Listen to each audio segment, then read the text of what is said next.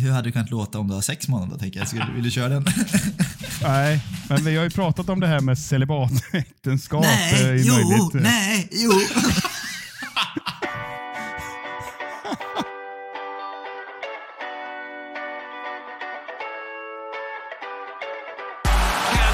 United score? They always score. Rooney! Oh, wonderful! It's Berbatov! Brilliant! Marcus Rashford! Oh, glorious! That is a special one!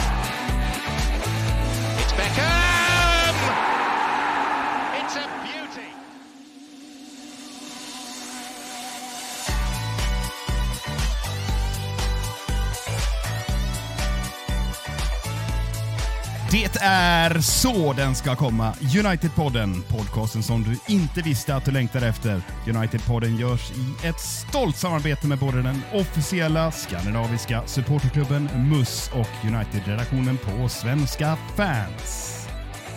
Ni lyssnar alltså på avsnitt 16 000 av United-podden och som ni hör så har vi återigen förpassat det ordinarie ankaret Adam Fröberg till avbytarbänken och istället är det jag, Micke Martinsson, som finns här bakom rattar och spakar.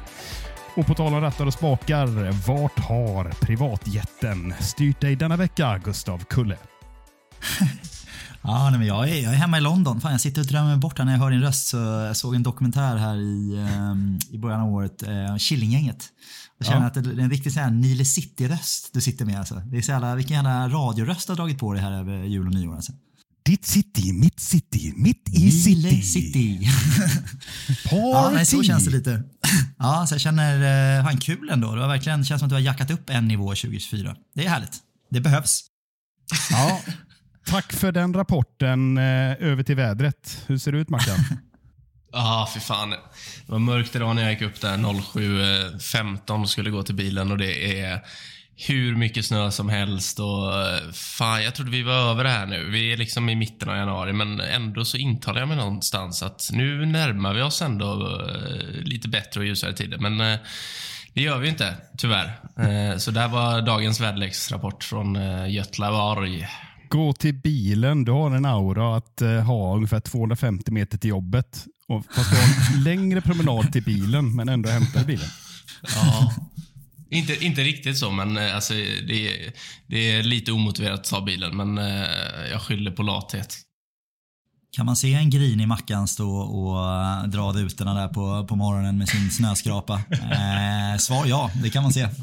Ja, min, det är också kul för min tjej har köpt alltså, världens största skrapa. Alltså. Så det är typ en, eh, det är en borste som man ska kunna borsta bort snö och så är det en skrapa i andra änden. Så det ser ut som att jag håller en bandyklubba när jag står där på morgonen. Eh, Folk undrar vad jag håller på med. Eh, Men det gör jobbet bra i alla fall. Annars ser jag framför mig att det står med ärmen så lite slarvigt, bara ta det värsta och sen kör du bara direkt. Ja, exakt. Ser ingenting, jag bara chansar. Eh, Ja, ja det har väl Jag hänt. skrapar med en gammal DVD-skiva från Älskling, jag krympte barnen 2. Den är alltid med i handskfacket. Ja, så är den det. ligger Så är där. det. Den ligger där. Ja, men är någon annanstans det är ljusare och bättre tider däremot. Det är i eh, Elfenbenskusten faktiskt. Är det någon som kollar på min favoritturnering, Afrikanska mästerskapen? Ja, jag har sett ungefär eh, fem minuter av eh, denna upplaga. Kan du ge oss det senaste och hetaste därifrån?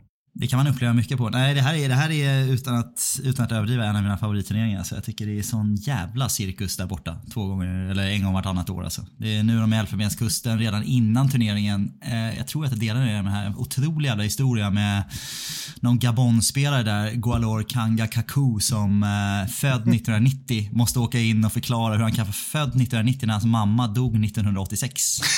Det känns så här. Få, få stories känns mer Afcon compatible än, eh, än en sån Gabon-historia. Då vet man så här, det blir åka av i år igen känner jag. Det, när, när den historien kommer liksom. Så det är härligt. Vad har vi Men, på de här eh, åldersskandalen? Förlåt Mackan. De här, eh, Roger Milla var ju ständigt 43 år. I 20 år var han det. Men det var ju någon Newcastle-spelare som skrevs ner fem år. Men fan var det? Var det Auspria eller vem, nej, vem var det? Det var någon i alla fall. Det, det, som jag inte kommer på namnet. Det var ju dum referens nu då, men det, det är en del stök med åldern där. Just det har jag aldrig Det är hört det, som, men det är det som är grejen tänker jag. Om du kollar på en sån här P16-match i Afrika, i Afrika liksom, ser det ut som att det är en corporate-match i Göteborg. Liksom. Det, är fan, liksom, det ser ut som att det är 43-åringar som springer runt. Alltså.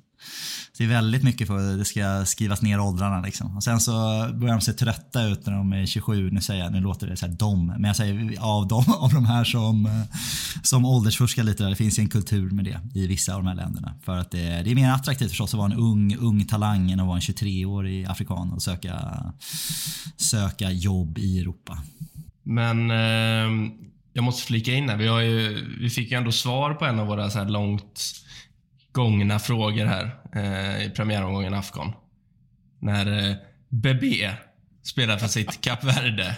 Ja? Där var han. Jag, Ja. var inte, jag var oförberedd på det, så jag såg faktiskt, jag var tvungen att trycka på tvn och så tack för, eh, tack för spaningen. Förlåt att jag inte kommer ihåg namnet på vem det var som skickade den. Eh, Men eh, har du den Mackan? Du, eh, Gräv fram den så kan jag säga så länge att jag, jag såg ändå 60 minuter av BB och det är, det är inte världens sämsta fotbollsspelare, det är det inte alltså. Utan han, eh, han bytte ju till Kap Verde här för två år sedan tror jag, 2022. Eh, har gjort en, eh, en 5-6 mål i landslaget på 15 matcher. Eh, så han, uh, det var kul att se faktiskt. ja. Otroligt. Fan, nu är jag sån finns. riktigt dålig eh, googlare här, som Gustav Kulle när han googlar efter Michael Clegg, känner jag mig när jag letar eh, efter BB-tipset här. Jag hittar tyvärr inte, men eh, någon av våra kära lyssnare var det. Ja, nej men det, var, det uppskattas faktiskt. Annars jag tycker afrikanska mästerskap för mig, det är liksom min, eh, min chans att kolla lite så här, hur mår fotbollen i Guinea-Bissau? Jag känner att annars eh, har jag liksom sällan tid med det. Det är mest afrikanska mästerskapen som man kan hålla koll på det. Jag vet inte om ni håller koll där, däremellan. Men de, de spelar ju sin, eh, sin premiärmatch mot hemmanationen Elfenbenskusten, förlorar med 2-0. Eh, och det är, jag vet inte, jag, jag har sett de här i, om det är fjärde, tredje eller fjärde afrikanska mästerskapet i rad nu. Det är ganska fascinerande, en riktigt jävla fattig ett av världens fattigaste länder på Afrikas västkust. Eh, en gammal portugisisk eh, koloni. Det finns liksom alltid en jävla, jävla massa fun facts när kommentatorerna snackar om det. Nu fick jag veta här i senaste matchen att deras bästa målskytt i eh, Guinea-Bissau. Eh, för det första så heter han Nando Coe, som låter som att det är så här påhittat från kycklingstället här i London. Eh, Nando and Company, men det är i alla fall Nando Coe heter han. Han gjorde nio mål bara totalt. Han är deras bästa målskytt någonsin.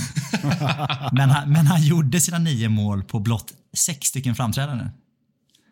Det är otroligt. Och där nu ser jag Micke, lägg ner miniräknaren där. Det är 1,5 mål per match. Jag ser att du sitter och fingrar där nu. Men det är otrolig statistik. Det hade man velat ha. Nando Co. 1,5 mål per match. Det är starkt. Otroligt. Nej, men det är en annan herre med bra målsnitt förr i världen eh, fladdrade förbi på sociala medier. Inte alls på tal om Afcon, men eh, han verkar ha sadlat om här nu till eh, professionell futsalspelare i eh, plus 55 eh, åldersgruppen, fast han är väl typ bara 35. Adriano. Jag Det såg ser ut som en, en lagerfrys som man ställer på sån här trolley, ni vet, och så puttar man den i en riktning. Ja, Jag elakt. har aldrig jobbat på lager, jag vet inte. Så- Nej. Fick han in Det- det, den ja. koloniala blicken. Ge mig finansreferens. Ge mig finansreferens. ja, nej, men det, nej, han såg, det såg sådär ut. Åldersbestäm en brasse över 30 år, det är fan inte lätt. Det är heller alltså, så det, är- det är oklart. Ja, ja, intressant. Tack för Afghan-spaningen. Nu byter vi liga.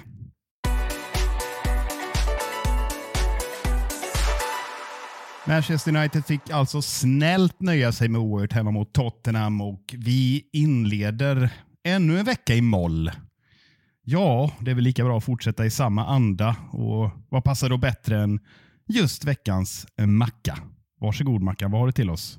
Tack, tack, tack, tack, tack, tack. Eh, du, jag, jag känner att jag kör en gammal eh, klassisk hederlig ma- macka här. Eh, jag- vill inte vara för negativ här, för jag har på känn att jag kommer vara rätt negativ lite senare i avsnittet. Eh, så jag tänker att vi kör två, eh, två plus, en minus. Eh, och så tar vi det därifrån. Oj, Mm. överraskande. Mm, verkligen.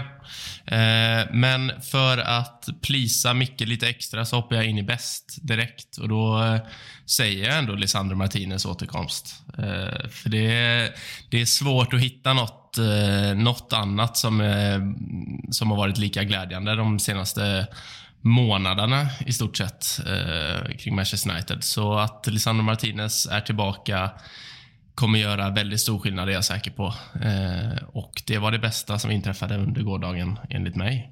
Ja, vi firar detta med en ordentlig hyllning, nämligen den här lilla låten. Vamos a la playa, a mí me gusta bailar el ritmo de la noche, sounds of fiesta. Vamos a la playa, a mí me gusta bailar el ritmo de la noche, sounds of fiesta. Ja, fan vad härligt. Nu får man känsla här borta. Ja, man får ju det. Och Mackan, nej men jag kan bara skriva under. Det var fan i mig ståpäls. Det var, jag får kasta in Henrik Ros, eh, vår kära, kära lyssnare, som alltid har något eh, intelligent att komma med. Han likställde det med att eh, vara som en gammal farmor som, som bevittnade sitt skolbarn klara någon form av examen. Med knäppta händer satt han och kände sig stolt över Lisandro Martinez eh, entré på planen och jag skriver Ja, under exakt. 100 procent. Det är helt en ljuvlig, eh, ljuvlig liten bild var det att bevittna detta. Mm. Ja, det var fint. Det kändes som att det behövdes, verkligen. Eh, Så han förtjänar att vara med på den här listan, såklart. Eh, Eh, och för att fortsätta i det lite mer positiva så tänker vi hoppa in i näst bäst här. Eh, och i en match med eh, ganska många, jag ska inte säga dåliga prestationer, men så här, Alltså, typ det man förväntar sig av Manchester United-spelare nu för tiden, tycker jag att eh, Rasmus Höjlund ändå sticker ut. Och det är ju hans, framförallt hans mål i eh, andra minuten där när han fullkomligt bombar in den i krysset. Jag tror inte jag har sett ett hårdare skott av en United-spelare. Alltså. Herre Jesus vad det small. Eh, och så en assist på det. Eh, och så nåddes jag av lite statistik igår att han har alltså pangat in sju mål för United på 6,7 XG. Eh, vilket är starkt. Eh, säger väl framförallt mycket om att hans lagkamrater inte har lyckats skapa så många chanser åt honom. Eh, när vi står här drygt, jag tror han har gjort 24, insats, 24 matcher i United eller något sånt. Eh, och det har skapat 6,7 XG. Eh, men hans insats eh, är ett absolut ett steg i rätt riktning och eh, avslutet är total världsklass. Och bara av den anledningen förtjänar han att vara på den här listan tycker jag. Det finns en del stats som man kan fortsätta bygga på. Roade med att kika lite grann på, på Höjlunds stats. Han har alltså totalt 20 avslut hittills i år. Det är inte jättemånga. Nio stycken har gått på mål. Han har gjort två mål. Tittar man på det och lägger på ja, beprövad statistik som vi har noterat att han får väldigt lite passningar till sig. Det vill säga att han sätts inte upp på så där jättemånga lägen. Och Visst, nu har inte jag eh, Champions League-siffrorna att lägga på det här, men känslan är ju inte att han alla Darwin Nunes har liksom sprungit runt och bränt. Nunes skjuter väl 3000 skott eh, hittills i år, eller vad det nu är. Eh, och visst, visst har han gjort det bra. Man ska inte jämföra dem så, men eh, det finns ändå någonting i att eh, ketchup-effekten är inte jättelångt borta, så, så som jag känner i alla fall. Möjligt att man blir carried away här av det. Kanonskottet, Gustav, har du sett något hårdare? Mackan eh, tror inte det, men Nani hade några sådana här strutar back in the days. Scholes. hade några bomber. Jag tänker Wayne Rooney hade, hade släng. Vi har Cristiano Ronaldo bombar in någonting mot ett, hjälp mig, Porto eller? Är det? Ja, ah, jävlar ja. Ja, just det. Den, eh, Den är står okej. nätmasken som en strut. Alltså. Men, det är, nej, men det är ett härligt mål. Man gillar en sån här Gillar, eh, gillar lite power i sin anfallare, så det är fint. Men jag, jag vet inte, men det är, det är väl mycket så att han inte har fått leverans. Det har vi snackat om tidigare, men jag undrar, jag tycker det finns någon ironi i liksom, varför fick vi fram så jävla mycket bollar till Wout Weghorst liksom, för, för mindre än 12 månader sedan? Liksom, det kändes som att han hade så här, nu jävla sitter den lägen hela tiden. Liksom. Medan Höjlund känns som att han får inga sådana lägen alls. Är det liksom, jag skulle vilja ha en studie på det. Var det att Weghorst var bättre på att ta sig, att ta rätt löpningar och ta sig till till slutläget. Eh, eller om det liksom, varför får vi, får han, skapar han inga lägen liksom? Fungerar Det väl, känns inte som att han gör också, fungerar väl också lite bättre som lag när Weghorst var där. Kom till fler chanser. Eh, Men, men eh, runt Höjlund där, jag tycker att han har sviktat lite senaste månaden egentligen. Och han har väl några, det är lätt att gömma sig bakom det här att han inte får någon service. Men jag tycker att det finns en del insatser han har gjort som är alldeles för dåliga också. Men sen kan det inte vara lätt att spela som ensam nia där. Eh, och eh, de lägena du får, de granskas du stenhårt på. Och kommer du då till ett, kanske ett och ett halvt hyfsat läge per match så är det fan svårt att hela tiden vara skarp. Så jag tycker att han ursäktas av det också. Eh, men, jag tycker att han, eh, fan jag tycker han såg skarpare ut igår också. Har någon aktion där han spurtar förbi eh, Nederländerna i Spurs eh, försvar också, van de Ven. Ehm, och eh, assisten till Rashford är ju fin också. Så nej, jag, han var klart näst bäst efter eh, Licha. Gott så. Vad har du till oss eh, på förbättringsfronten då, månntro? Jo, vi har ju Rasmus danska ålderman i truppen som jag tycker eh, ja, det, är, det är en horribel insats från minut 0 till minut 62 eller vad det är när han blir utbytt. Jag tycker att han... eh, Alltså, hans egenskaper passar när man eh, är bollförande och spelförande och eh, motståndarlaget backar hem eh, och vi behöver luckra upp ytor. Men eh, Alltså, han har ju bevisat så många att i såna här matcher så funkar det inte. liksom. Eh, Christian Eriksen har smartnessen och eh, all skicklighet där till men han har ju inte lungorna tyvärr längre. Eh, han täcker inte ytorna som krävs. Han, eh, han är för svag duellmässigt och i defensiven rent generellt. Ehm, och det, är, alltså det är så tydligt eh, direkt efter paus. Liksom, man tar det 45 sekunder eh, så har Eriksen tappat sin löpare och så är det 2-2. Ehm, nej, jag, jag tycker att han är, bland många svaga insatser så är Eriksen klart sämst och jag tycker fan att det är det, det är också för dåligt av Tenag att inte ta ut han i paus, för han måste ju ha sett det som alla andra såg. Eh, och det straffar sig direkt. Men eh, så är det. En av hans sämre insatser i United-tröjan. Jag tycker inte det finns så mycket konkurrens. Jag tycker Eriksen är klart, klart, klart sämst. Och den som sätter honom i, den här positionen är Erik Ten Hag. Jag förstår inte alls den uttagningen. Eh, nu, nu kan vi inte spekulera i hur, hur länge Casemiro hade orkat. Uppskattningsvis inte alls länge med tanke på att han inte får spela någonting överhuvudtaget. Eh, men det är klart att jag förstår ju varför han ställer honom på planen. För han tror att vi ska ha bollen. Då har han inte sett hur Tottenham spelar i år. Eh, jag tror ju att Scott McTominay hade gjort mer nytta. Han gjorde också mer nytta när han väl kom in. Så jag, tycker liksom, men även med spelet med boll tycker jag Eriksson hade otroligt lite när han väl fick bollen. Och Då eh, var han ju oftast på någon position som inte liksom är till hans fördel. Han ska ju helst vinna bollen eh, rätt centralt och ha blicken uppe. Nu, nu kan han vara lite var som helst, ofta ganska långt ner i plan. Och Ah, då, eh, det kunde ju alla se och då har du redan sagt att då är han en ytterst begränsad spelare när han får, får den här rollen tycker jag. Nej, men jag håller med 100% jag tror att det är min, mitt, mitt problem med Eriksen som jag har sagt tidigare är att jag tycker att det är en lyx, lyxspelare. Jag tycker att han är en svagare version av Juan Mata som vi hade i alltså hans sista år i United och han har liksom, vi alla vet att han har en bra touch och att det kanske inte alltid går så fort som det ska men när man bara ligger på 75% bollinnehav så är det ganska härligt att ha en sån spelare med som kan luckra upp lite ytor. Men för mig är det, vi är inte en sån position som klubb just nu. Att vi har den typen av lyxmatcher, det är ju uppenbart. Och det kan man ju se på vår målskillnad om inte annat. Att vi har inte liksom vräkt in 32 plus mål. Liksom. Utan vinner vi så är det med uddamålet. Liksom, vilket säger allting om hur matcherna ser ut. Eller mycket om hur matcherna ser ut i alla fall. Så jag tycker att så här, att ha Eriksen och en annan lyxspelare i min, mitt tycke då, Bruno Fernandes som är lite lite överallt och ingenstans i försvarsspelet är ju så här, då läggs allt ansvar på en ung 18-åring axlar i dagsläget. Då. Och han gör det, jag tycker han gör det bra i vanlig ordning. Liksom. Det är ingen dålig insats någonstans. Men det är ju, vi förlorar alltså en mittfältskamp mot, hjälp mig här, vilka är det? Är Skip, eh, Bentancur. Skip och Höjbjerg. Liksom, lys, lyssna på den. Liksom. Alltså på riktigt. Det är ju det är ju ett skämt att vi förlorar den mittfältskampen så på det sättet vi gör det också. Verkligen. Ja, jag tycker att Eriksens... Jag, jag, skulle inte säga att, jag skulle inte säga att Bruno är med och konkurrerar om att vara sämst här, men jag tycker att Bruno återigen gör en sån där insats som får mig att vilja rycka av allt hår jag har på huvudet och bara skrika rakt ut. För jag... Det är som du säger, han är liksom överallt och ingenstans. Så han kommer liksom inte till de här ytorna där han är bra. Han har en han har en djupledsboll som, eh, som hotar och det är den som eh, vi gör 1-0 på. Eh, sen kan jag inte komma på en, en, en till aktion så jag tänker bra, bra Bruno. Utan det är mest såhär vad fan håller du på med?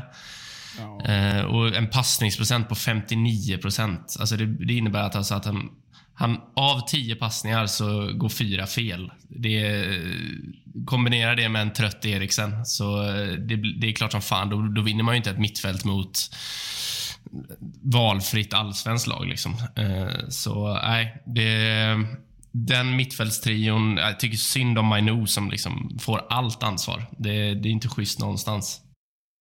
Jag, jag, skulle ändå vilja eh, lägga in en liten motvikt till det resonemanget. Framförallt vill jag ställa mig lite frågande till jämförelsen 2-2 mot Tottenham och ett valfritt all, allsvenskt lag. Förlora Eh, mittfältskampen är- sa jag. Ja, men då, jag vet inte fan om Tottenhams mittfält är, håller den låga nivån. Nej, nej, nej. Men jag, nej, jag, men- menar, jag menade att om du, om du spelar med de två spelartyperna med den typen av prestationer så har du svårt att styra en match mot valfritt allsvenskt lag. Sen, Nej, är, det sen är det såklart en skarv. Såklart Micke, vi jobbar ju med skarvar här. skarv. Men, eh, men- du bjuder, du bjuder skulle- ju in ett skadeskjutet Tottenham till att eh, styra och ställa när du ställer upp med det treman så- är det. Men däremot så skulle jag vilja bredda diskussionen lite, för det var ju ganska mycket livliga diskussioner i våra trådar och överallt lite grann kring själva matchbilden. Och Jag skulle vilja ja men, eh, lansera en liten diskussion kring det här. Eh, och För mig var det inte ett dugg förvånande hur matchbilden såg ut. För mig var det inte förvånande att Tottenham vill ha den här kontrollen och att de spelar också i princip utan mittfält. De spelar ett otroligt märkligt spel. När de eh, tappar sin press så har de ju inget mittfält. Och då eh, förstår jag Bruno Fernandes enorma, liksom, det var ju, om det är hagelbössa i vanliga fall, så jag vet inte vad han hade gjort nu. Han har liksom sågat av eh, bössan vid avtryckaren så att det blev liksom maximal spridning. Men jag fattar att han var så taggad, för det var ju det var helt galet vilka ytor. En del jämförde det med Aston Villa-matchen när Emery valde att ställa upp med självmordstaktik mot United. Jag tycker Tottenham spelar självmordstaktik också. Därför är det extra olyckligt att, eh, att Bruno inte har en bättre dag, för då vinner vi den här matchen med två bollar minst. För det var sådana sjuka ytor när Porro tryckte upp och Rashford hade 10 meter till godo i alla anfall. typ. Det var ju nästan löjligt att det inte blev att det inte blev mer av det. Och Då kommer jag tillbaka till min poäng här som jag vill att ni tycker till här. Jag tycker ju det var rätt matchplan från Ten Hag att lämna över initiativet och försöka eh, sänka dem på omställningar. Sen att vi inte lyckas med det, det är ju en annan sak. Men jag tror att en annan valfri taktik hade skitit sig ännu mer.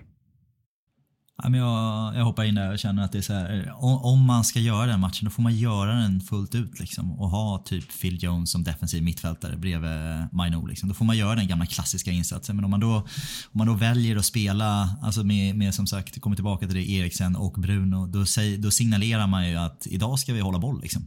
För annars, då, vill- då vill jag in skott liksom. Och då vill jag liksom, då vill jag att de jobbar om hela, hela laget. För att problemet är ju inte att vi hade kunnat göra fler mål även om vårt XG inte såg jätteexalterande ut. Så det är klart vi hade liksom, vi har ju såna halv, halvlägen som vi, som vi missar liksom. Att vi inte ens kommer, kommer dit vi ska. Men problemet är inte att vi, vi gör ju våra två mål för, för att vinna den här matchen. Problemet är att vi är så jävla svajiga bakåt. Vi släpper in två mål. Det är lite samma mot Galatasaray borta. Hade vi kunnat göra fem mål, sex mål kanske borde ha gjort det. Men problemet är att vi gör tre och släpper in tre och får inte det resultat vi vill ha med oss. Och det är, även mot Spurs här känner jag, vi får allt som vi vill. Vi pratar i förhand om chatten om att så här, ja, fan, vi måste ha tålamod den här matchen.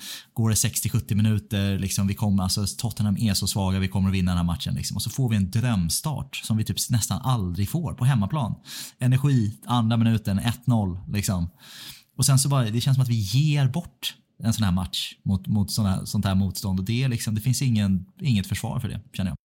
Det är en bra övergång till att granska målen vi släpper in lite grann. Och vi börjar med det första målet. Då. Och vi kan ju bara konstatera att eh, Pedro Porros hörnor var ju något alldeles extra. Det var länge sedan jag såg det. Liksom Ward Prowse som, som verkar kunna konkurrera om att piska in liksom, eh, tyska inlägg stenhårt på samma yta varje gång. Men om vi bortser från det och tittar liksom på vad är det som gör att jag, när jag sitter och, och, och det är hörna för motståndarlaget, att jag har ont i magen. Vad, delar ni det och vad är det United gör fel, säger ni, på liksom, dels hur vi ställer upp och, och att det här målet kommer till som är, tycker jag, horribelt att, att släppa till i den ytan. Man ska inte få nicka därifrån. Det ska, inte, det ska inte få gå. Nej, alltså det här med, med zonförsvar, eh, det kräver ju ändå att att det, det, det får ju vara ett rörligt zonförsvar. Alltså, det, det, ska ju inte, alltså, det ska inte finnas möjlighet för en motståndare att ta, ta sig in framför din zon. Kommer, och det, det tycker jag vi ser varenda match när United försvarar hörnor. Eh, det är som att spelarna är fastfrusna i marken, står på hälarna och ja, men det här är min zon, den är min. Eh, kommer bollen här så har jag den, då står jag här. Men så funkar det ju inte. Eh, och det, jag, vet, jag vet inte, det är svårt att dra någon typ av längre analys av det, men det ser inte ut som att spelarna är på tårna helt enkelt. Alltså Tottenham-spelarna kommer in, de kommer in med fart, det är ju den enda skillnaden. Det är inte så att Tottenham, det, det är en otrolig jävla leverans av Pedro Porro gång på gång på gång och det underlättar ju. Men annars är det ju för att de attackerar bollen. United-spelarna väntar på att bollen ska komma till deras yta. Eh, det är väl den stora skillnaden. Ja, nej, jag tycker du, du är helt rätt på det. Det är, alltså, ett, ett, ett av problemen med zonförsvar är ju just att man, är, man har en stillastående försvarare eh, som ska försvara mot ofta en anfallare som kommer med någon typ av fart. Vilket alla kan räkna ut att då bör han ha lite, lite bättre kraft och kanske kunna hoppa lite högre. Eh, men det, ska ju liksom, det bygger ju ändå på grundläggande principen som vi typ förlorar ganska mycket runt om i planen. är att Man måste liksom vinna sin match i matchen. Det är ju i slutändan det det handlar om. För det är ju exakt samma sak om vi skulle ställa om till man-man. I slutändan så måste varje spelare vinna sin duell ändå. Och jag tror att det är, det är någonting i att, alltså rent kompetensmässigt tror jag, att vi individuellt så känns det som att det är alltid någon svag länk. Det är alltid någon ny spelare. Det är inte som att man kan titta och bara känna, alltså jävlar liksom. Fan, det är alltid bakom dig, liksom, Bruno Fernandes, som någon dyker upp. Eller det är alltid att någon utnyttjar att Luke Shaw bara är 174 cm lång. Liksom. Utan det är ju liksom, det är ju alltid, all, alltid någon ny spelare. Liksom. Så det, Ja. det tyder på att vi inte, vi har inte spelare som är, är jättebra på det här. Liksom. Fan, jag, jag försöker tänka tillbaka så här, typ när vi hade Vidic och Ferdinand. Eh, att det var, det var som att bollen hade någon jävla målsökande missil i sig. För den, varje gång så dök den upp på antingen Vidic eller Ferdinands huvud. Oavsett vart i straffområdet den landade. Eh, och som det ser ut nu, för, förutom när vi kanske har Maguire på planen, så, så känns det inte som att jag, jag litar liksom inte fullt ut på någon av våra eh, spelare i defensivt straffområde att ja, men det är lugnt. Vi har, vi, vi har Varan eller vi har eh, Wan-Bissaka eller Dalot. Utan det, det känns bara som att det är, det är bara stort jävla frågetecken hela tiden. Vad händer om bollen kommer till mig? Vad, vad gör jag om bollen kommer i min zon? Så ser det ut. Och det är ruskigt frustrerande alltså. Ja, nej, men liksom Vid- Vidic och Ferdinand vinner ju sina dueller för att Gary Neville och Patrice Evra och Roy Keane gör, vinner sina dueller i matchen också. Eller liksom, som inte, det kanske inte är dit bollen går, men de vinner sina, sina dueller. Vilket gör att det liksom, bollen söker sig inte dit. De vet vilka två spelare det är som ska gå upp och ta duellen och då gör de sitt jobb. Gary Neville är uppenbart ingen, ingen liksom, eh, spelare som ska spela luftspel, men han är ju jävligt kompetent i, i försvarsspel i både zon och, och man-man. Och det, det utnyttjas ju och det är det vi saknar idag.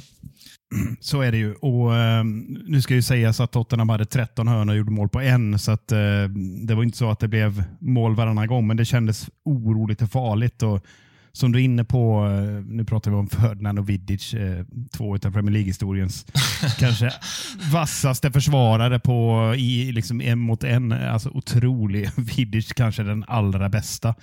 Och Det är klart, när Maguire spelar så då finns det ju en trygghet för han tar ju bort otroligt mycket. Det visar också statistiken. Liksom. Han, han har väldigt fina siffror på när det gäller bortnickar och rensningar och blockar och allt vad det nu är. Så det är ju hans stora styrka. Men eh, som du är inne på, vi saknar Luke Shaw. Ofta väldigt stark i de här situationerna, även om han är bara 1,74. Eh, det är en sån lite Evra-typ som liksom gör det förbannat jobbigt eh, för, för motståndarna. Men om vi hoppar vidare då. Eh, vi kan konstatera i alla fall att vi har problem både på offensiva fasta och defensiva fasta nu och då. Men om vi går vidare till det andra målet som vad ska man säga, det är en genomskärare från Romero tror jag, upp till Timo Werner som får vända upp och ja, utnyttja att Christian Eriksen eh, står och sover och dricker Tuborg och resten är historia. Sen tycker jag att eh, Onana, jag vet inte riktigt vad han gör på det målet, men han täcker inte jättemycket av målet.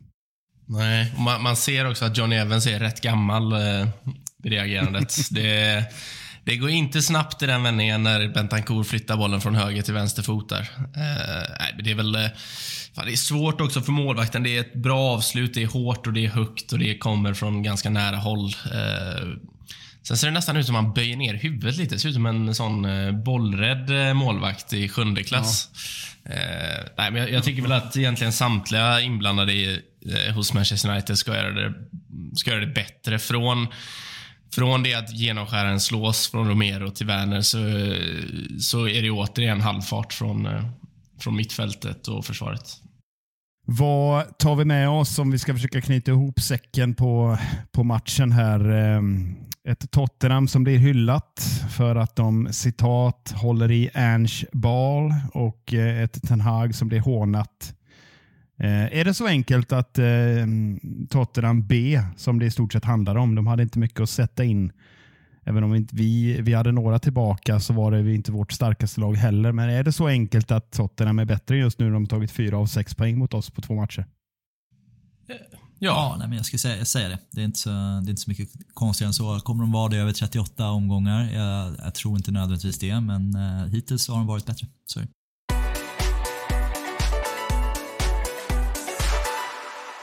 Succésegmentet Talk of the Town är tillbaka med tre påståenden med aktuella ämnen som vi helt enkelt diskuterar om de är sanna eller inte. Håll i er, första påståendet lyder. Ole Gunnar Solskär gjorde det bättre än vad Ten Hag hittills har gjort. Det här har ju seglat upp Gustav eh, den senaste tiden på X och alla möjliga plattformar. och är det så, så enkelt att eh, Ole-kramarna vaknar eller eh, är det Ten Hag-hatarna som pratar? Ja, men det är väl i någon vacker symbios som de eh, befinner sig på X tillsammans i dagsläget. Och det är väl, eh, jag har ganska länge varit backa, backa Ole i, i form av att eh, det finns bitar som jag tycker att han gjorde väldigt bra eh, och som han inte riktigt fått den respekt för som jag tycker att han förtjänar. Eh, även om det inte slutade så bra, så tycker jag eh, om man tittar på sånt här påstående så får man nog börja med att eh, ja, jämföra samma tidsperiod. Alltså man får titta på uh, Ole Gunnars första 18 månader eh, och eh, Ten Hags första 18 månader. Tänker jag. Annars, så, annars blir det lite skevt. Och där tänker jag ändå om man tittar på Solskär, han började i december, va? tog över. Hans första tre månader var väl helt bisarra. Han vann ju typ så här 15 av 17 matcher eller någonting. Jag kommer inte ihåg hur mycket det var, men det var ju, var ju hur bra som helst i alla fall. Liksom. Och sen så var ju eh, resten där inte, inte topp-topp, men han slutade väl sexa i ligan tror jag. Samma som han startade mm. som. Så första sex månaderna var inte jättemycket att hänga i granen, men, men det var väl okej. Okay. Eh, säsong två kom han trea i ligan och så var väl de här tre semifinals eh, året va? Både ligacupen, FA-cupen och eh, Europa League. Eh, men framförallt tyckte jag då började man få en liksom, tydlig identitet. Sen ska man kritisera om man tyckte det var bra eller dåligt den spelidén vi hade. Men jag tyckte ändå man började se lite att så här, ja, men nu har han fått ett par fönster. Fått köpa lite av sina spelare, bygga sin trupp. Det var liksom en Maguire som var bra. En Wan-Bissaka som var bra. Det var liksom en Dan James som gjorde, man fattade varför, varför han var där etc. Liksom.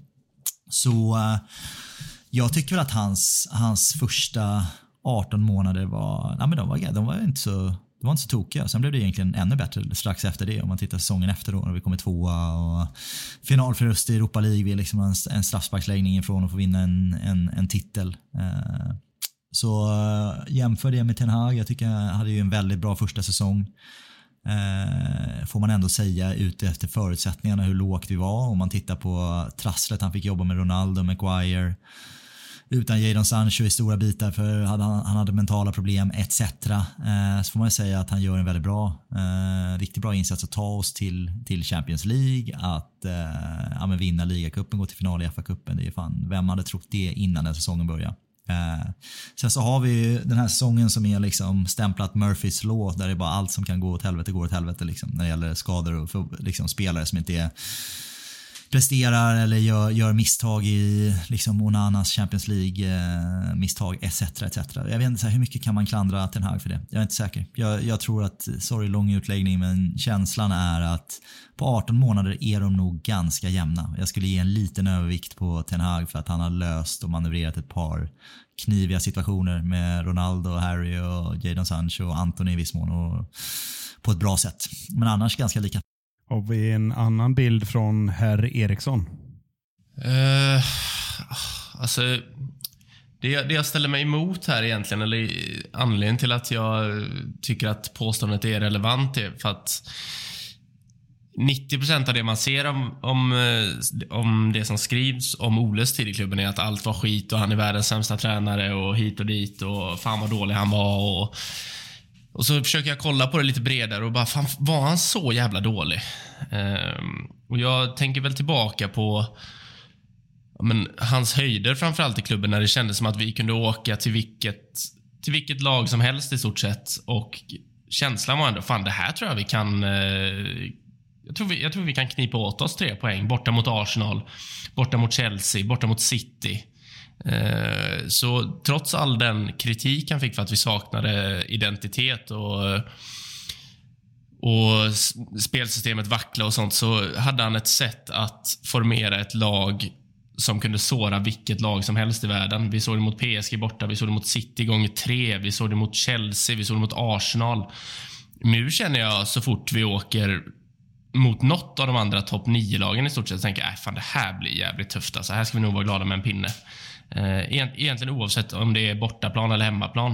Eh, och det är med 18 månader in med en tränare som har värvat spelare för 5 miljarder eh, och som kom dit med med tanken om att han skulle implementera någon typ av Ajax-system där vi ska styra och ställa och kontroll är viktigt. Och nu känns det som att vi, vi, vi överger det totalt och nu är vi tillbaka på det här som Ole fick kritik för att vi ska lämna över initiativet och vara ett kontringslag igen. Eh, stora problemet är att vi inte är särskilt... Vi, eller vi är ganska bra på kontringar men vi har ju absolut inte den spetsen som vi hade när vi hade Ole som tränare.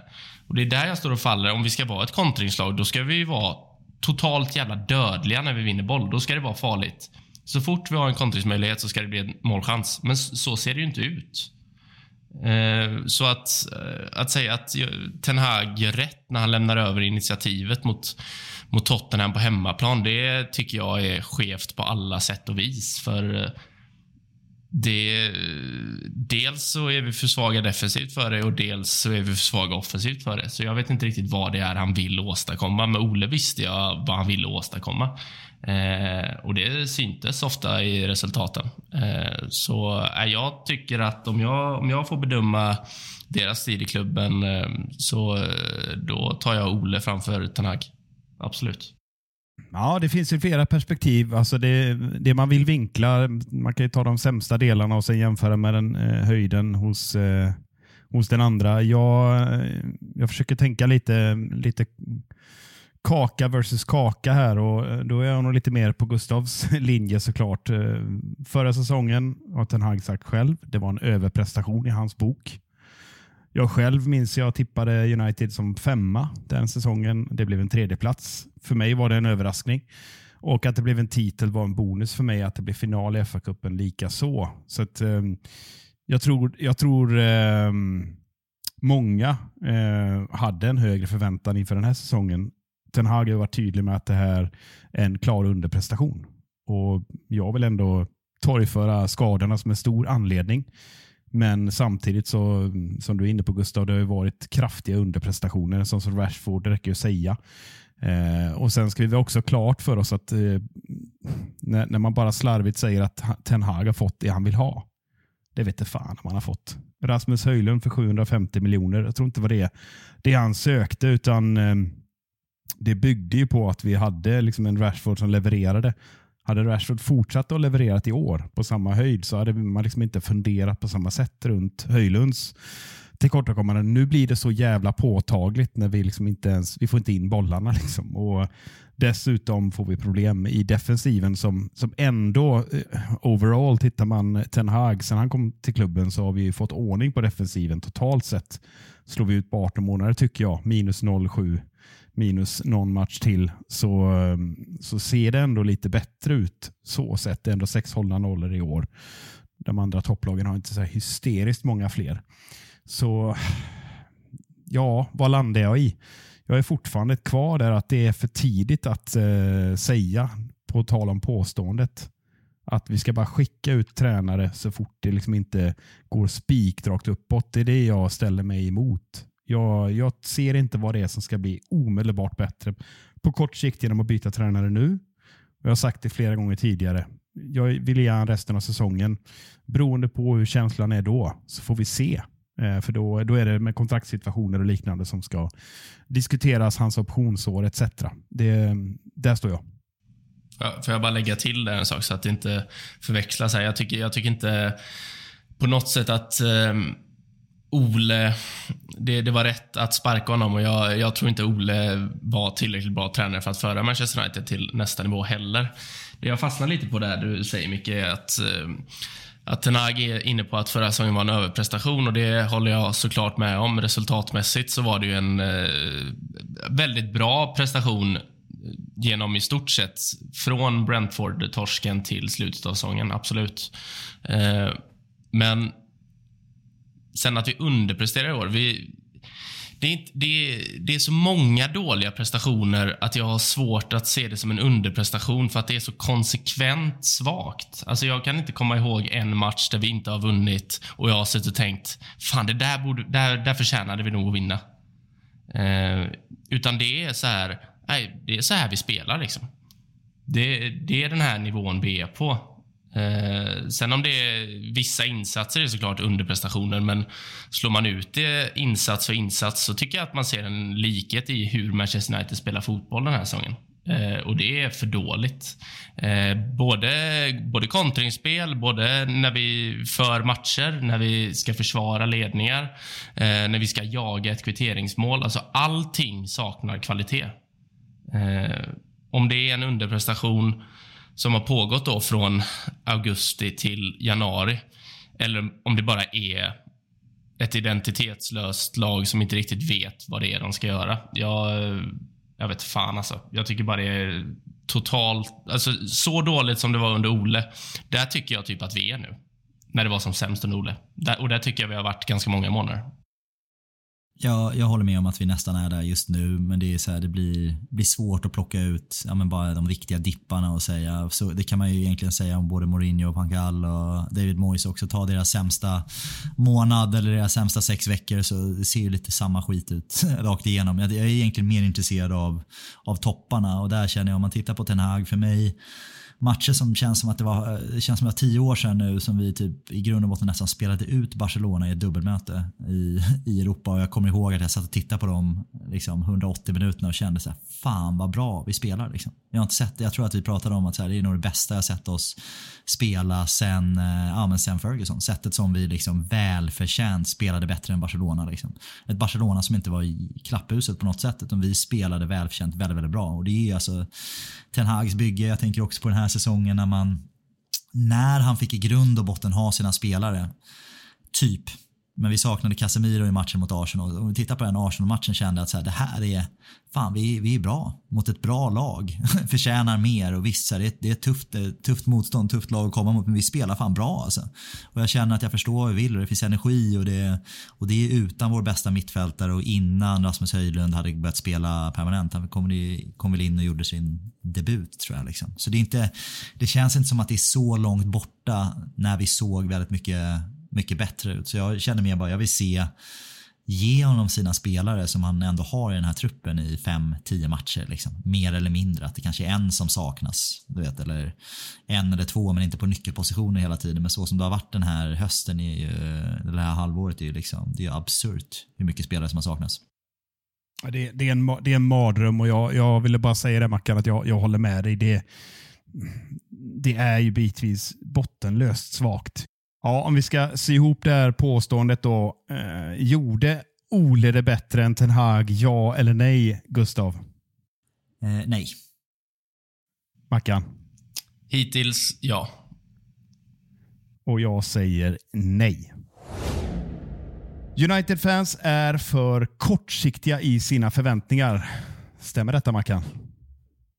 Ja, ja, ja, det är väl svårt att säga annat än ja, för jag tror att det inte bara gäller United-fans, utan jag tror det gäller eh, supportrar till i stort sett vilket, vilket lag som helst runt om i världen. Eh, sen, eh, alltså det, det, jag tycker det är svårt det här med kortsiktighet och långsiktighet, för vi har, vi har sagt sen Ferguson lämnade nu i tio år att vi ska vara långsiktiga och vi ska dämpa förväntningarna och det kommer ta tid. Det kommer ta tid, det kommer ta tid. Jag är så jävla trött på den här jävla tiden. Eh, för nu har, det gått, nu har det gått 10 år, 11 år till sommaren. Eh, och jag känner fortfarande att vi inte är i närheten av att utmana eh, de bästa lagen. Eh, vare sig i eh, europeiska turneringen Champions League eller i Premier League. Eh, så eh, det är klart att man är kortsiktig i vissa aspekter. Jag kan ha varit snabb på bollen med att jag har tröttnat på Ten Hag, men eh, Oftast finns det någon grund i, eh, i varför jag i så fall tycker att eh, någonting bör göras på kort sikt. Eh, men det, nu talar jag bara för mig själv. Eh, men jag, jag, tror att det, jag, tror att det, mm, jag tror att det är väldigt, eh, väldigt spridda skurar i United-lägret. Eh, och jag är väl en av dem som är, som är åt det mer kortsiktiga hållet. Och det var väl någonstans eh, runt eh, Champions League-uttåget som jag för mig att du drog i handbromsen, Mackan. Kan det stämma? Du var, du var ganska tidig. Du var väl snabbast i, i det här gänget. Föga överraskande. Spel, spelstopp på den du. ja, men jag, jag, är, jag är också den, eh, den i det här gänget som har uttryckt oro för prestationer sedan i mars månad. Så jag vet inte hur snabb på bollen jag egentligen var, för då hade det väl ändå gått då hade jag väl ändå uttryckt min oro i eh, olika stor mängd i drygt åtta månader. Eh, sen om det, är, om det är snabbt på bollen, ja kanske. Men eh, väl befogat i min bok. Är det Gustav, lite så som fan att man, uh, sorry Micke, men man, man glädjehedgar lite när man, när man bäsar sitt eget lag. Att det är lite så, antingen så vinner du som så, fan jag sa ju vad jävla dåliga vi var. och så kan du köra den. Eller så vinner vi och så kan du vara glad och bara så fan vad kul att vi vinner liksom. Så det känns som att du, du, du hedgar dig själv lite där liksom. Ja, ja men jag, alltså, det där hatar jag egentligen. Jag tycker det är så jävla deppigt när, eh, när man får upp såna typ videos eller dumma tweets från folk som kallar sig supportrar som sitter och typ halvhoppas på en torsk. Men eh, samtidigt så eh, har, har det har typ blivit så under hösten att jag blir typ mer överraskad när vi visar tendenser på att vi faktiskt kan spela fotboll och vinner en match. Eh, Medan när vi förlorar så är jag mer så här likgiltig och bara, ja ah, fan, jag visste det. Eh, och det är ju så jävla tråkigt att känna så. Det är tråkigt. men, Nej, men det, det, var det, det var det jag skulle fråga dig Gustav. Liksom, bli, jag ska inte hänga ut Mackan bara, men någon slags självuppfyllande profetia att liksom st sticka ut. Alltså, jag vet inte om det bara sitter hos mig det här, men det finns en del supportrar, inte du Mackan, säger vi nu då, eh, som någonstans älskar att vara... Vi säger det, men det är det, det vi pratar om. han får ta åt sig bäst fan han vill här. Eh, som älskar att vara etta på den där bollen, men jag sa ju det. Och eh, jag, jag liksom någonstans, jag har tröttnat på det.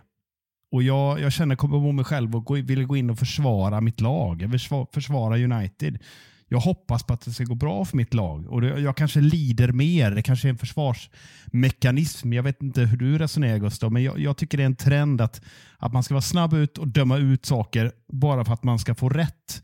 Eller för att man vill skydda sig själv mot det här helvetet som det innebär att hålla på United. Jag vet inte, har du tänkt på det, på det Gustav?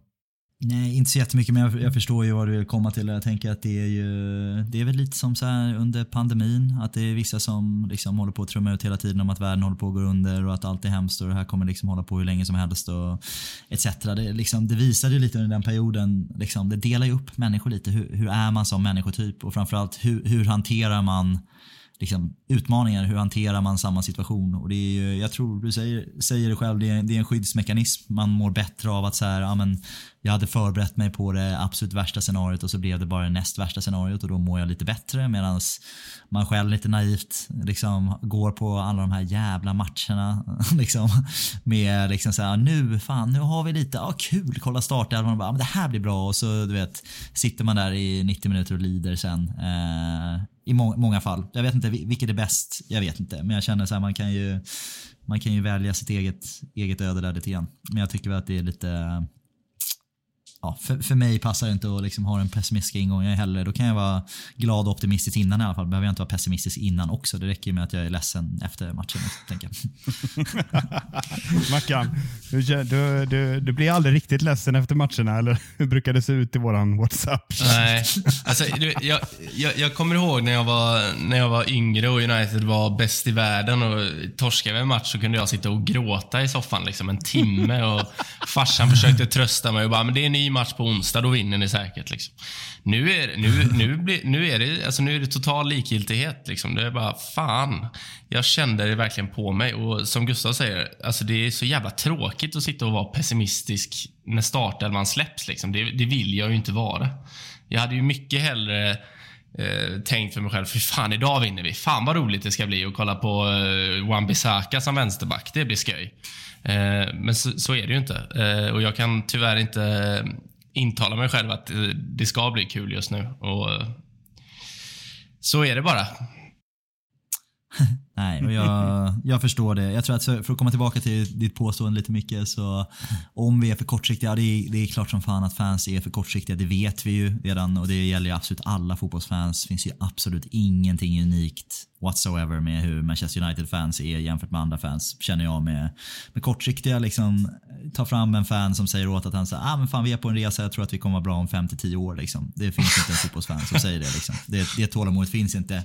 Men realiteten är ju att det är ju typ så det ser ut. Om man inte är liksom har kommit ganska långt på sin resa, satt sin liksom, ekonomiska struktur, satt sin sportsliga organisation där vi vet att vi brister, så är ju resan typ där någonstans. Om vi tittar på, jag, jag bara kollar det snabbt, man har väl det där lite i huvudet tyvärr, men Manchester City då som liksom kastade pengar på de typ mest kunniga sportsliga personerna som fanns i fotbollsvärlden när Mansour tog över 2008. Det tog ändå så här, de kom tia första säsongen.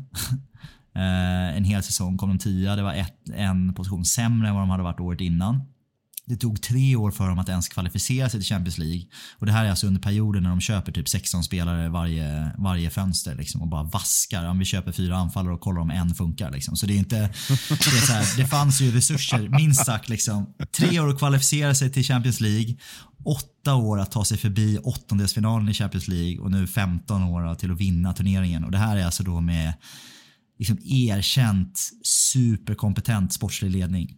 Eh, så det är ju lite, får man inse att saker tar tid. Liksom. Saker tar tid.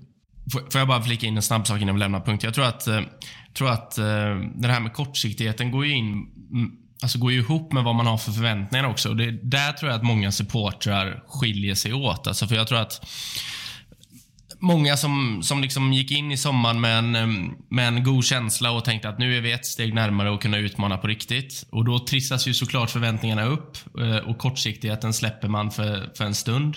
Eh, medan, eh, jag tror jag har varit inne på det här innan, alltså mina förväntningar ligger ju på att vi kontinuerligt ska spela en bra fotboll, göra bra prestationer.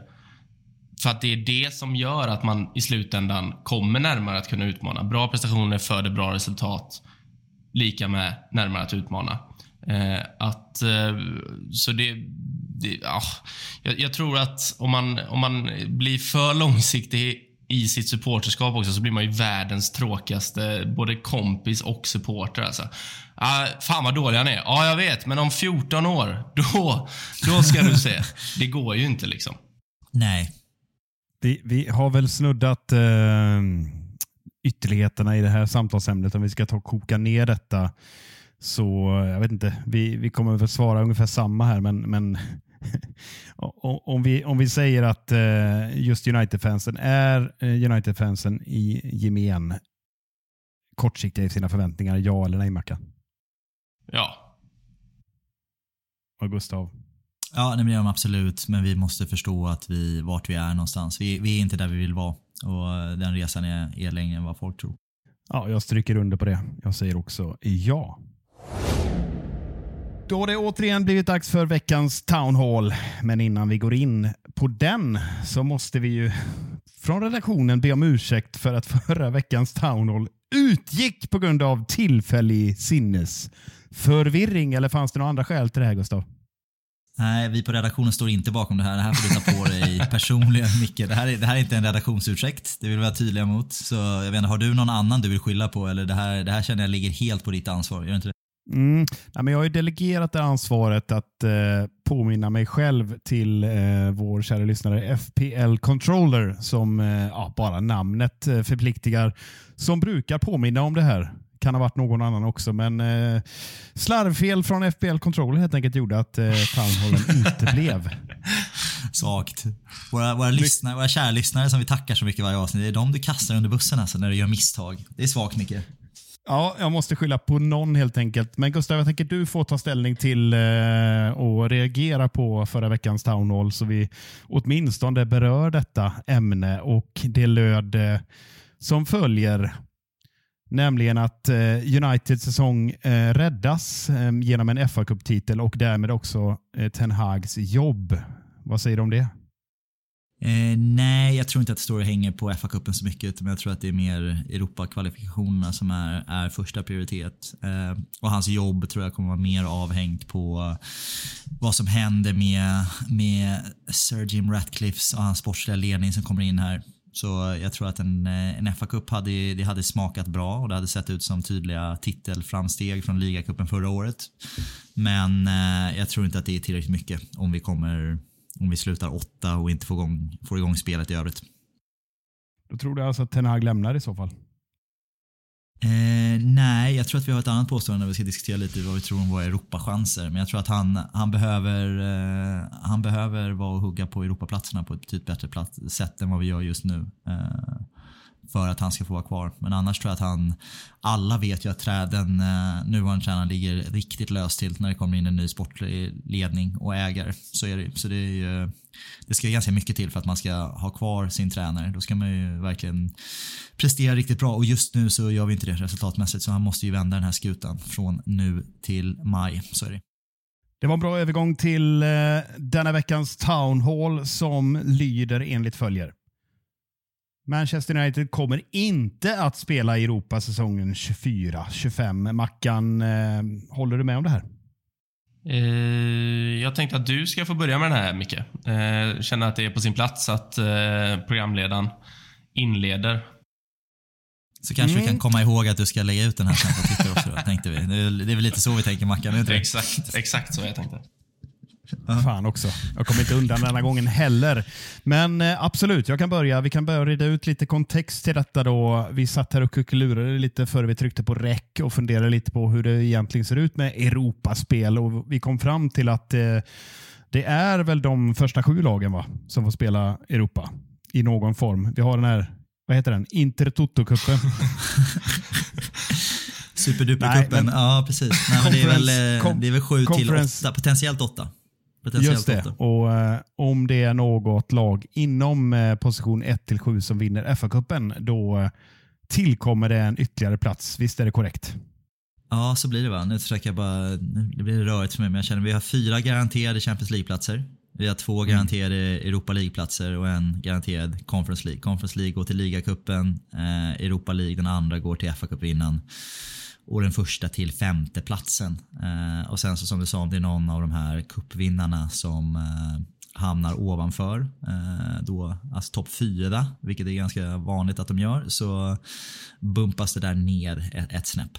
Så det, det stämmer ju. Så har vi även då den här att det, det kan ju bli det finns ganska god sannolikhet att det blir fem stycken Champions League-platser. Eh, då måste England, nu har vi i och för sig United inte gjort sitt och Newcastle har inte gjort sitt i Champions League om vi tittar på våra prestationer. Men om vi, gud förbjuder, vissa av de andra engelska klubbarna går långt i sina Europa-turneringar som de är kvar i så är det ganska bra möjlighet för England att vara ett av de tre bästa länderna enligt sån här gammal Uefa-koefficient och då får man en extra Champions League-plats eh, för nästa år. Så då är det en femte plats som gäller. Så ser det, Det ut. my- mycket bra Gustav, tack för den genomgången. Då kan vi ta oss an det här påståendet med rätt förutsättningar helt enkelt. Och då säger jag att eh, det här stämmer inte. United kommer att spela i Europa. Och Jag tror faktiskt att det blir Europa League. Jag tror att vi tar oss till en minst sjätte plats. Jag, säger jag sticker ut hakan och säger att vi slutar femma. För jag eh, är övertygad om att det här cup-haveriet, eh, eh, Champions League-haveriet underlättar för den här trasiga truppen att spela lite färre matcher och ehm, ha en liten chans att komma upp en sväng i FA-cupen också. Så jag säger att det här stämmer inte, utan jag tror det blir Europa nästa år, även om det är för hatliga Europa League. Mm. Men då är jag lite motvikt här då. Eh, och jag tror faktiskt inte att United kommer spela Europafotboll. Eh, jag har svårt att se jag har svårt att se detta laget komma på en sjunde plats eller bättre. Eh, sitter och kollar tabellen här nu. 21 matcher in, 24 gjorda, 29 insläppta. Eh, och vi är fortfarande ett av de lagen som eh, har överpresterat sett till XG och expected points och allt det där. Eh, och eh, Samtidigt som att vi kommer kanske bli snäppet bättre under våren så eh, tror jag att andra lag har potential att bli det också. Eh, vi har skrattat mycket åt Chelsea. Nu är de en poäng bakom United eh, och eh, känns som att det finns lite sparkapital där. Eh, Newcastle lika så. Brighton lika så. Eh, och sen har vi alla lagen framför oss, eh, förutom kanske West Ham då som eh, har en dal i sig såklart. Eh, men jag, eh, jag har fan väldigt svårt att se United komma sjua eller bättre. Tyvärr. Hård, tycker jag. Nej, jag, det står jag inte bakom alls. Utan jag tycker att det är så här, det här jag tycker det det är alltid så jävla mycket av det här i januari att man, man tittar på de här spännande lagen från första halvan av säsongen och tänker så här, jävlar vad bra de ser ut. De kommer säkert hålla hela vägen. Det, det gör ju liksom aldrig det. Alltså, vi ska, ska West Ham hålla uppe den här nivån i 38 omgångar? Ska Aston Villa hålla uppe den här nivån i 38 omgångar? Eh, jag, jag, jag tror inte på det. Liksom. Jag, jag tror att jag inte jag har inte sett tillräckligt mycket för att tro att det skulle hålla så pass hög nivå. Skulle vi kunna trilla förbi West Ham, två poäng ovanför oss i dagsläget, ja, nej, men det ska väl det är väl det minsta vi ska göra. Sen så har vi Tottenham, Arsenal, Aston Villa inom, ja, vad är det, 8 till 11 poäng då, eller 9 till 11 poäng tror jag på de, de tre, tre klubbarna. Skulle vi kunna ta 9 poäng på Tottenham? Ja, varför inte liksom? Om vi får ordning nu när vi har Licha, när vi har Casemiro tillbaka och Mason Mount kan komma tillbaka och kanske vara lite revanschsugen och komma in och visa vad, vad Ten Hag ville med honom i det här laget samtidigt som Kobe Mainu har liksom fått spela in sig och, och en överraskning i år att vi har en så kompetent mittfältare. Alltså det känns ju på samma sätt som vi sitter och pratar om att Chelsea har sparkapital känns det som att vi har ju också massa sparkapital. Liksom. Sen så är det ju, om vi tittar på en nuvarande trend ser det ju inte ut som att vi kommer göra det. Det är klart att vi inte kommer, om vi tittar på Spurs-matchen och bara extrapolerar den på resten av säsongen så är det klart att vi inte kommer spela i Europa. Men mycket kan förändras. Jag tycker vi har goda anledningar att ändå vara lite optimistisk med, med nya spelare som kommer tillbaka. Eh, och ja, men ett, ett antal lag ovanför oss som inte, som inte alls är garanterade att de skulle vara så här bra i 16-17 matcher till. Så jag tror, att vi, jag tror också att vi kommer minst femma. Eh, kanske eh, sannolikt att vi kommer femma men att det troligtvis också räcker till en Champions League-plats. Mm, det är verkligen gungar och karuseller här i åsikterna. Eh, förutsätta framgång och förutsätta ja, det motsatta har vi väl konstaterat här. Mackan, eh, har du några avslutningsord här innan vi går vidare? Nej, jag Säg är, något deppigt nu Mackan. ja, jag är, jag är fan... Jag, jag, är väl, jag är chockad över, över analys att vi kommer femma. Eh, Jag, jag tycker att det... Det finns liksom 0,4 procent som talar för att United kommer femma. Eh, Så eh, det är, det är kul att ni är positiva killar, men jag hade velat gräva mig in i era hjärnor och se resonemangen och tankarna bakom den analysen. Men kul. Femte plats. Härligt. Det är lite som att titta på inflationen nu. Kommer den att gå ner? Eller kommer den att eh, fortsätta stiga? Mackan har bundit sina lån de kommande tio år så att han verkar lugn. Ja, jag är, jag är cool lugn alltså.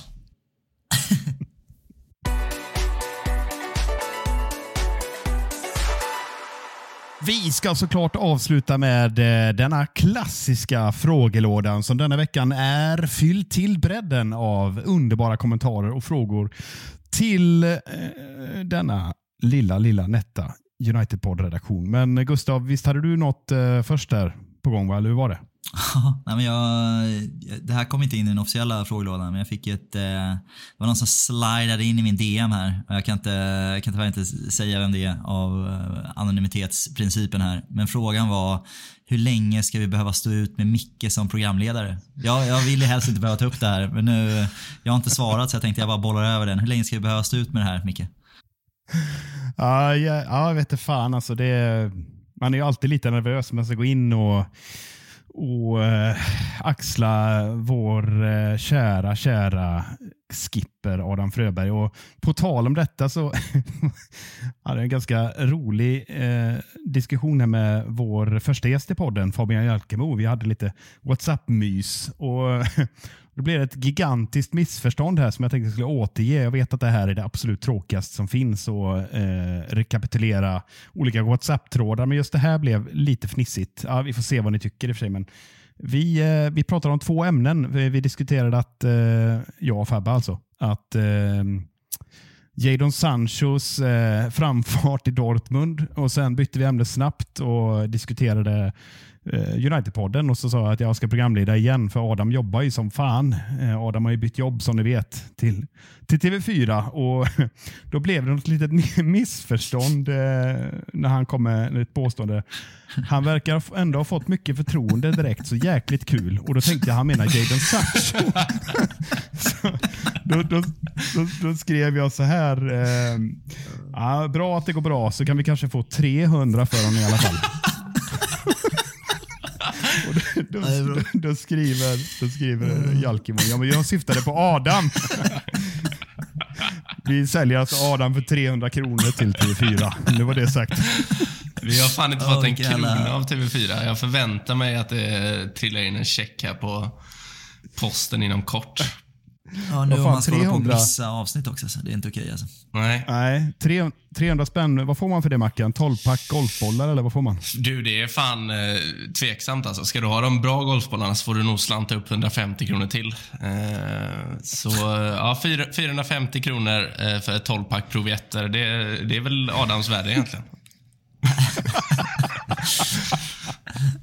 ja, fan, vi, vi... Äggkartong. Ja, snillen spekulerar på den historien då. Man kan ju se det framför sig. Alltså, du, och, du och Fabbe. Riktigt jävla blind leder blind där i den konversationen. det är fan inte långt ifrån sanningen. Nej, tillbaka till ordningen här. Ni ska få lite frågor av mig här från våra kära lyssnare tänker jag. Eh, vi blandar och ger, men... Eh, ja. det finns rätt mycket att ta tag i här. Eh, om vi börjar härifrån, till dig Mackan, från Skrotnisse 007. Otroligt namn. ja, älskar här namnen. Ja.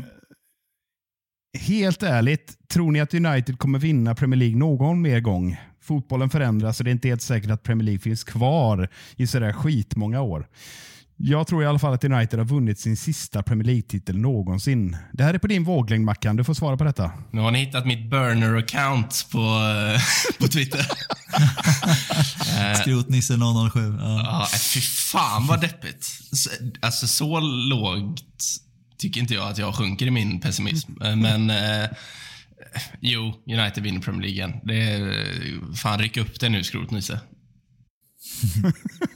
Nej, men jag tycker det finns ju, han, har, han har ju någon typ av poäng där med huruvida Premier League, hur länge till det kommer finnas. Liksom. Jag, jag skulle säga att om, om det finns i tio år till så kommer United garanterat vinna Premier League. Alltså. Men eh, om, om PL försvinner här ja, mellan fem till tio år i någon typ av superligaform, då, då är jag inte lika säker.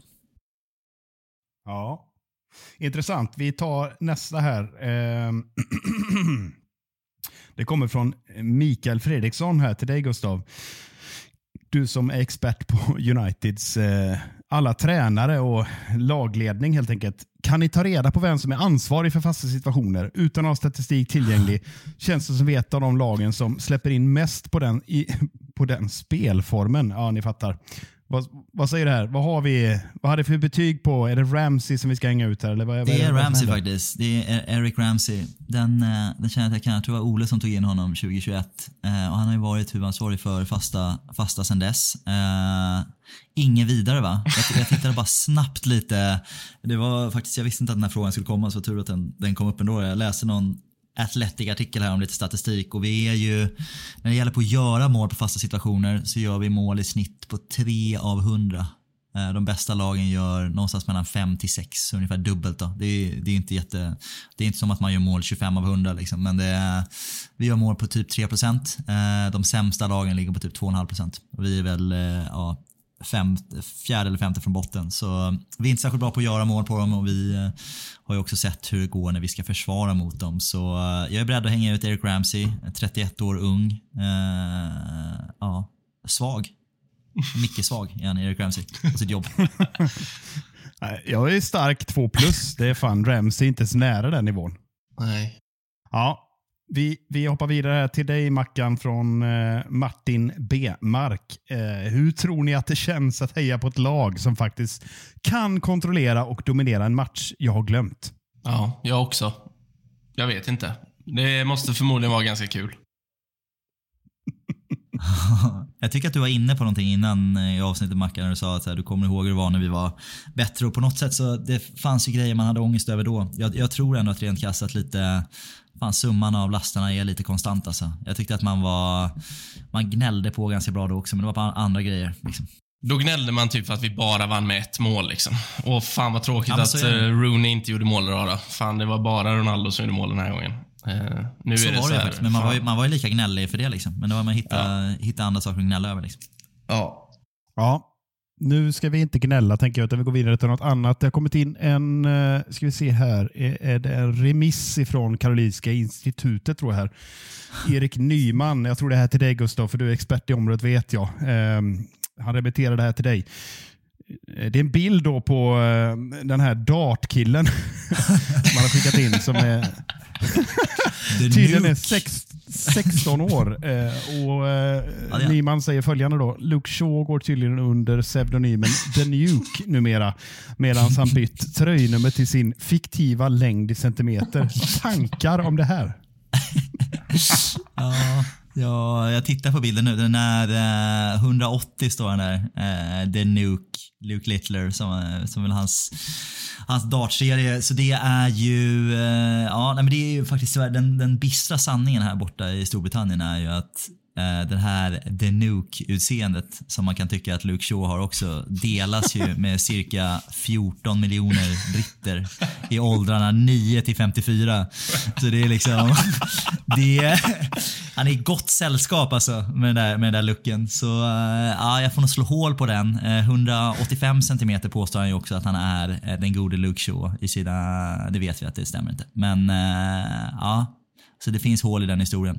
Ja, det finns mycket att, att spinna vidare på det här, men jag liksom, alla, alla tankar krockar i huvudet här, för det är så mycket att ta in. Och Det är liksom podd vi håller på med, med bilder. Jag kan inte släppa att han är 16 år, alltså att han är åldersneutral. Men jag kan inte fatta att du, du, du, du pratar om det som att du precis har gjort en uppfinning. Det här är det enda som internet har pratat om när det gäller Dart senaste veckorna. Att just att han ser ut att vara liksom 35-40 år gammal liksom, och är 16 år gammal. Det är det enda folk pratar om när det gäller honom. Liksom. Okej då. Boomervarning där borta. Men det är, ja, nej. Luke Littler är inte samma som, eh, som Luke Shaw. Vi har, vi har fått in en annan här som jag skulle vilja svara på nästa, men jag måste ta upp den här från Mattias Gustafsson som undrar om vad Göran Greider säger om Uniteds försvar. Göra Greider. Är det, ja. jag plockar knappt ens den. Det är det han Nej. Dala demokrat eh, poli- Är det eller? Jag kände Det är helt där. korrekt. Alltså, det så? Det är eh, Lever en han? av de starkaste vänsterprofilerna vi har här i Sverige. Och, eh, han tycker till om det mesta. Eh, det är NATO-processer och det är eh, krig och det är allt möjligt. Men just Uniteds försvar, alltså, han pratar lite grann som, det låter som att han är inne i en bikupa hela tiden. Så här, vi bara snurrar runt. Jag tänker Uniteds försvar, det är det låter nästan som Ingvar Bergman. Något åt det hållet. Så jag kände att jag ville leva ut en imitation när jag såg det här. Blev lite glad. faktiskt. Tack för det då. Ja, så går det när man påar sig själv. Har vi något mer här? Du, jag, har- jag har faktiskt en till dig när du ändå är... Det här är från en annan. Eh, jag kan inte det här uttalet. Det är någon Göteborgsspelare. Mikollis, Mikollis bror, jag tror han heter. Muccioli. Vem, Micholi. Där har vi den. Eh, vem gillar Micke bäst? Ljungberg eller Holmgren? Vem gillar du bäst? Ja. De har aldrig nämnts av mig i den här podden tidigare va? Fan, liksom- eh, Gustav, ska vi leda in eh, Micke på någon sån här luddig fuck, marry, kill nu eller? Lägga till en tredje också. Han är grym på att snurra in sig där. Kasta in en till person som man verkligen, verkligen inte gillar. Vad har vi, vad har vi då från, från Åh, podden? finns ju några sådana bisittare i studio som man eh, inte älskar. Nu ska vi komma på någon här. Ma- Martin Åslund också. Släng in Martin Åslund. fuck, marry, kill. Fuck, marry, kill på, den är bra. Ås, Åslund, Ljungberg och Niklas Holmgren. Ge oss en fuck, marry, kill på den. Det är bra alltså. Ja, alltså min förra Fuck, marry, kill var ju hemskt, där var ju du med Gustav. och uh, Ljungberg var med det. den gången också, minns jag. Det var Och, eh, faktiskt det. Nu får du chansen att vända. och så var det också nämnde Wout Weghorst. som Jag vi skulle vilja ha att du. Han började, du började trassla in dig i någonting med att Ljungberg gjorde ju den här kalsongreklamen. och det är som att det Ja. är lite som någonting positivt. Så jag är nyfiken på hur du ska, vad du har lärt från det misstaget nu. Ja, alltså fan, det här är, det här är ganska jobbigt. Om man ska börja i änden liksom, innan jag snöar in mig då. Så, om vi börjar, först och främst så har jag alltid gillat Niklas Holmgren. Liksom, eller tidigare alltid gillat honom. Högaktat, framförallt hockeykommentator. Otrolig. Eh, många, många år. Och även de första tio Premier League-åren var han, tycker jag, fantastiska höjda upplevelser. Sen har ju någonting hänt. Det är lite grann stagnera eller fastna liksom, i någon slags... Eh, han har ju fastnat i sin tid. Och så har han dessutom fastnat i en låsning på Manchester United som jag ja, skällde på förra avsnittet och jag orkar inte ta det ett varv till. Men eh, det, fan, känn, det känns svårt att leva med honom. Man kommer upp på morgonen. God morgon! Det blir så, här, det är så jävla stressigt ändå. Alltså. Ja, hur, eh, hur hade du kunnat låta om du har sex då, tänker jag? Skulle, vill du köra den? Nej, men vi har ju pratat om det här med celibatäktenskap. eh, nej, är jo, möjligt. nej, jo. Titta här! Ja, nej. nej, men Holmgren skjuter vi av helt enkelt. Vi orkar inte med han längre. Så han är ute ur leken. Ljungberg som tyvärr avled senast i min Fuck, marry, kill. Han eh, får leva ett tag till. Eh, men eh, det blir lite obehagligt igen där med kalsongreklamen. Så jag tänker att fan, han har rätt gott om pengar ändå. Det är säkert pool och all möjlig skit där i hans palats mansion där ute i någon eh, läcker grevskap. Ja, du kan de här områdena Gustav. Eh, Granne med Ja, dig visst. någonstans. Eh, så att eh, vi flyttar till England och så tänker jag det celibatäktenskapet. Och sen, fan, Åslund är lite het ändå med sina kavajer så det kan man ju blunda och överleva. Ja. Stel, stel första middag med Ljungberg, du ska förklara att du sköt av honom i senaste Fuck, marry, kill. Men att du nu vill spendera resten av ditt liv med honom. Den är knivig. Ja. Ja, det, är, det är intressant. Ja, nej, fan. Jag tycker att med det så, så börjar vi känna oss ganska nöjda va? Ja. Ja, vi lovade att vi skulle svara på nästan alla frågor. Har vi, har vi något mer där i, i säcken eller? Det var oerhört mycket. Jag kan bara konstatera att ehm, vi tar en till mig här, men vi, får, eh, vi skickar den till Mackan istället för vi får något positivt avslut. Det är från Jesper Andersson som eh, på en skala 1 till 10 hur nöjd är Micke United med att Martinez är tillbaka? Och, eh, men Mackan får den istället, så du får, du får betygsätta det. ja, men jag är supernöjd. 10 av 10, såklart. Det är en helt underbar avslut på det här. eh, Shit vilket frågebatteri. Helt magiskt. Men eh, vi får inte glömma det att när det här avsnittet, avsnittet släpps så, eh, så är det väl så att eh, det har avgjorts vem det är vi får möta i FA-cupens fjärde omgång. Vem hoppas du vinner här, Mackan? Eastley eller Newport? Eastley, såklart. Det hade varit kul. Ja, det är perf- perfekt övergång till eh, Gustav här. The Spitfires. Eh, vad kostar hotdoggen när man besöker den här Silver Lake Stadium, Gustav? Alltså, det ser läckert ut. Jag hoppas att jag kan rapportera tillbaka det om, om några veckor. här. Det är tänkt att vi ska åka ett litet gäng på en liten fa Cup-resa ner i, ner i divisionerna. Så jag, jag hoppas på Eastlay också. Så lovar jag att rapportera, rapportera tillbaka vad, vad korvpriset är. Alltså. Underbart. 5192 tar de in. Vad tror du biljetterna kostar? Det är 2700 sittplatser bara, så du lär ju få stå vid någon hörnflagga eller något då. Ja, van, van att stå tänker jag. Men de är strikta på sina, sina prissättningar med framförallt FA-cupen. Alltså. Så det, det får inte vara så mycket. Den kommer inte kosta mer än en 25-30 pund. Sådär. Det är väl mer att det är svårt att få tag på dem tänker jag. Du drar dina bilaterala kontakter i södra England. Mina, mina bilaterala kontakter i, vad fan var plockade i Belarus, va? Var inte det Belarus? Det? Det är lite avigt att gå via Belarus ändå för att fixa fram biljetter. Ja, behöver man så behöver man alltså. Så det, ja, där har man lite kontakt man kan dricka i. Ja, vi får se hur det går. Du får återkomma helt enkelt med eh, ja, en summering av, eh, av den där resan, för den lär ju bli av. Jag lovar att göra det. Jag vet att jag, det jag har faktiskt fått en, eh, en påminnelse, sms på en fråga till. Jag vet att du hintade om att vi skulle försöka snacka om det här. Det är faktiskt det är lite om dig Micke. Det är att eh, vår, vår kollega på Svenska fans, Kalle Karlsson, har gjort spaningen. Så att har man någonsin sett Micke och jultomten i, i samma rum samtidigt? Så han försöker ha, ha någon typ av spaning då på att eh, det kan vara så att det är du som är jultomten Micke. Jag vet inte, egentligen skulle jag, jag kan kommentera på det men vill, vill du bekräfta eller dementera det själv först till att börja med? Nej, Jag kan varken bekräfta eller dementera de här uppgifterna. Det finns ingenting just nu som tyder på att eh, jag kan svara på det. Tomten, Ja, är, tomten är väl också svag för stora balkongpaketet, har jag hört. Det är väl enda likheten. Jag, tänker, jag vet inte hur ni känner, men när jag tänker på jultomten så tänker jag på en glad och uppskattad man som många längtar, längtar efter och ser fram emot ska komma och hälsa på. Så jag ser liksom inga, inga liknelser alls riktigt känner jag till dig mycket där. Utom skulle vara gilla, gilla kakor och mjölk kanske, men annars så inte mycket som, som håller ihop. Ja, tack så du ha för det Gustav. Men eh, vad hade jag fått för betyg om jag hade varit tomten? Jag det känns som vi måste pumpa upp det en del då. Ja, nej, men det här känns som, jag, jag skämt åsido faktiskt tror att du skulle kunna vara en ganska bra tomte. Det känns som att det är ett jobb du kanske har gjort ett par gånger också för lite så här syskonbarn och sådär. Jag tror att det här är ditt gebit lite. Att, eh, jag tror att där skulle du kunna, ja men en svag tvåa kanske. Ja, tack för det. Vi eh, rundar av med de bevingade orden från Gustav Kulle och säger stort tack till eh, Gustav och Mackan för att ni har varit med den här veckan. Fantastisk insats, men inte i närheten av den insatsen som ni lyssnare har gjort, för ni har nämligen orkat med att lyssna på oss i, ja, fan, länge i alla fall. Men eh, ni är helt underbara.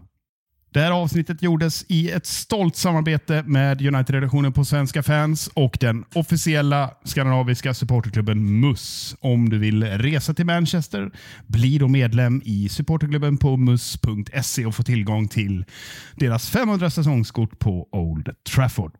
Följ oss gärna på sociala medier. Där heter vi United-podden. Vi hörs snart igen. Ta hand om er.